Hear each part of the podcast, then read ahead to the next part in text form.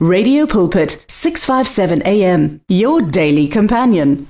Father God, we just want to thank you for yet another opportunity to be in your presence. Thank you for your word, Lord God. Thank you for every person under the sound of my voice right now. I pray for them, Lord, that you will touch them in a special way that Lord you will you will put your hand of grace, Lord God, upon everyone. May your word change us today. Heal those that are sick, Lord God, by the power of your word because you sent your word and you healed all our diseases. We thank you for Jesus today. In his name we pray. Amen and amen.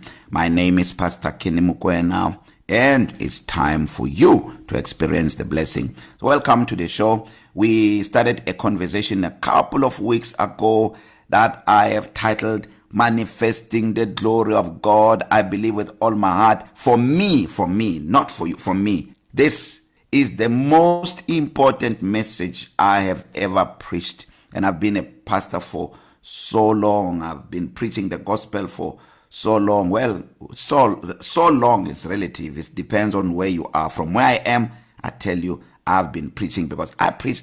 You know, there are times where I preach every week. Like during um, uh, this past week, I was preaching on Thursday. I was preaching on Friday.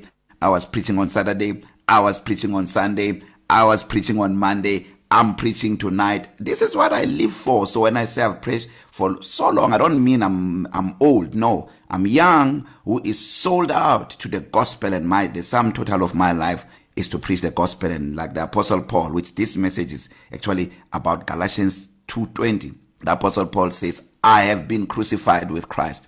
Nevertheless, I live, yet not I, but Christ lives in me. He says, The life that I now live in the flesh, I live by the faith of the Son of God who loved me and gave himself up for me. That is the teleo stage, the stage of maturity when we talk about Galatians 2:20. Well, we are talking about manifesting the glory of God, manifesting the glory of God and we are using Romans 8:30 for this conversation and I tell you um, fasten your seat belts. We are going to take off today.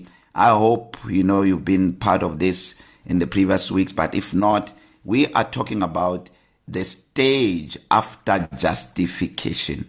The stage after justification because the process of our new birth um, uh, was orchestrated by God. He has set the pattern, he has made it plain in the scriptures, and then he left the last part a little bit concealed which is what we are dealing with with right now. I believe that this message is being revealed right now and God wants every believer. I believe with all my heart, every Christian, every Christian needs to know this message. Actually, let me start this way. Every pastor, every pastor needs to understand this message because there is no way as a pastor you can understand this message and then the Sunday sermon become ordinary. It's not possible you know you you you you, you if you come to my church uh, this uh, uh, uh, Sunday I'm preaching a motivational message that inspire you to go and succeed in the marketplace so that you can come and give more money to the church. You come back next week I'm giving you five steps on how to make money and all those things. You definitely do not understand this message because the moment you understand this message your your sermon can no longer be about self help No, it reach it rises to another level where you you allow God to do what he created you to do because everything our pursuits on earth which are not aligned to divine purpose what's the use of wasting so much time at the time that we are living in to emphasize on? I'm not saying those things are not important because they are part of the salvation package. The blessing is part of the salvation package. But in fact if you check if you check the scriptures i don't need to be taught about the blessing. I need to just know I am blessed and know what the blessing is like. It's what the blessing is all about. And look at God. God didn't try to teach Abraham what what what the blessing is about. He said I'll bless you. When he said I'll bless you, Abraham knew that the blessing is to walk in the supernatural. This is how I define the blessing because the blessing enables you to live above circumstances, above, you know, what things the things that are happening around you. A person who's blessed, you enter into a place where things are not happening by what you carry on you the Jesus you carry in you those situations changes so we cannot spend all our time you know on that we need to move to the next level where our eyes are no longer on what we get for ourselves in fact a lot of Christians Even their prayer lives are defined by the things that they need from God. Even the reading of the word, we read the word to find the things that can benefit us. That is a lower stage. That is why our sermons cannot be limited to that. We need to grow higher because God said we must be perfect even as he is perfect. He demands perfection and actually every one of us. We must live full and die empty. When we die, we must have given ourselves to the full. When Jesus Christ returns, he must find us having given ourselves to the full. Remember there are two things that Jesus Christ is going to say to those who will come before him. To the first group, he's going to say, Depart from me, I never knew you. To the second group, he will say, Well done, my good and faithful servants. These are the two things we must be aware that when we stand in front of the master, he will be saying these two things. He will there is a crowd that will be that will say, Depart from me. And this crowd will say, No, but we did a lot of things in your name. We we healed the sick, we did said, Depart. I never knew you. Why? To it, it, these things flow from a from from from a relationship. So we need to teach about maturity to to reveal Christ in our in our preaching because we are like him inside but we need to grow we need to grow to reflect his attributes to reflect his character to get the results that he got when he was still on earth. Remember romans 4 uh, uh, john 14 12 jesus says the works that i do you shall do also. And then he says greater greater works than this you shall do because i go to my father. This is the glorification part i am talking about. So romans 8 13 it shows us the first part the picture of salvation to those he called. He also justified. So justification is the second stage. It does not end there. It, it, it goes further to glorification. Now, I like these three these three steps. They invited, meaning an opportunity to be saved, the justification. When you are saved now, he declares you righteous. And then after righteousness, then there comes glorification. And let me show you this quickly. Uh, okay, let me read this verse first. Then I will show you this uh, highlight a few things in the life of Abraham for you to understand this message because we're gonna we're gonna go deeper deeper into this message. So we said the glory of God it means the unspoken manifestation of God. When we talk about glorification there is a there is one there is glory and there is glorification. Understand that everyone who's saved has glory. Everyone who's saved. But the fact that you can have glory and not know you have glory and you can have glory everyone around you don't know that you have glory. Because glory when it comes to glorification it has an element of the manifestation of God. And this is what the definition of glory is from doxa is the unspoken manifestation of God or God's splendor.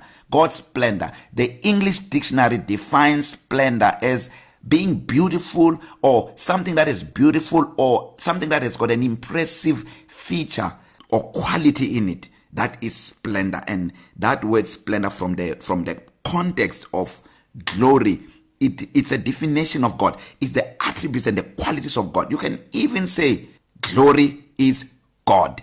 And I can even say glory is Christ. So when you talk about glorification we're talking about the manifestation of the Lord Jesus Christ.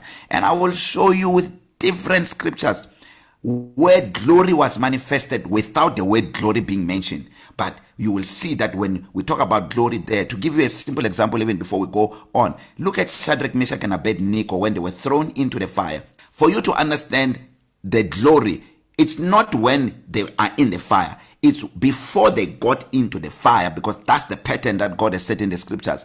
Nebuchadnezzar uh, put a law that anyone who does not bow when an instrument a certain specific instrument was played those people are going to be thrown into the fire. Shadrach Meshach and Abednego because of their relationship with God because of their allegiance to God because of their knowledge of who God is and that they were Jewish people they were in a foreign land just like us we know right now that we are we are spiritual citizens of Israel. We are part of the household of faith. We are ambassadors for Christ. This is not our homeland. We are looking for a city whose builder and maker is God. The very same thing that Abraham was looking for. Abraham was looking for a city whose foundation whose builder and maker is God. A city without foundations. Now no with foundations. Because our where we are it does not have a foundation. Now listen to this. Shadrach Meshach and Abednego they were called to the by the king because the king liked them. He says guys there is a law. If you do not bow you're going to burn. They say king we are not going to bow to you. We worship only one god and we know our god is going to deliver us. And then they said this which is very critical to the manifestation of glory. They say even if our God does not deliver us we will still not bow to you. This is these are guys who were who who has reached a stage where they were they are trying out things. They have reached a stage where they understand who, who they are. Their mandate I would say in a language of us right now we understand our Christianity and we understand the treasure we have in the inside of us. We speak like the apostle Paul who says to be absent from the body is to be present with the Lord. So we these guys said that and guess what? They were thrown into the fire bound. And when they were thrown into the fire the king rise up. He says didn't we th throw three men there?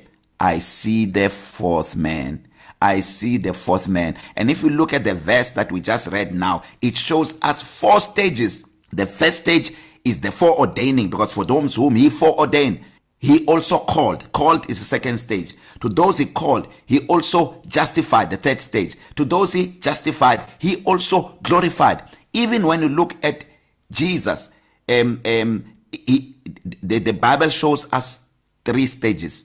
After he died, it was when he rose from the dead that he was glorified. So there is the rising of the from the dead which is the third day the third thing. But then the glorification become the fourth part. So the the the, the fourth man appeared after they were thrown into the fire and the fire could not burn them. But the key part in understanding the pattern if they were thrown into the fire in fear they would have been burned in the fire. But because they said we will not bow and they were resolute they had gone beyond believing because many people stand in believing because the bible tells us you know uh, um, uh, about faith to a level of believing. No there is a an, a, a fourth stage of faith which is knowing.